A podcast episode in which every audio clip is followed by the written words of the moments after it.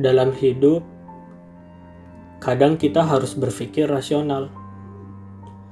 Kadang juga berpikir fleksibel, bahkan irasional.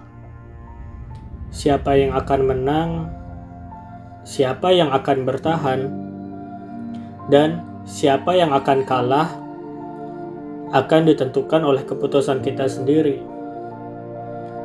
Berpikir di luar nalar akan membuat kita menemukan sebuah jalan dan merupakan cara pandang yang visioner untuk melihat segala kemungkinan. Bisa salah, kita belajar. Bisa benar, kita menang.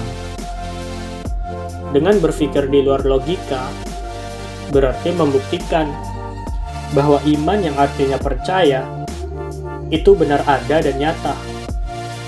Maka, siapa saja yang berhasil berpikir di luar dugaan kemungkinan yang biasa, dia adalah orang yang hebat.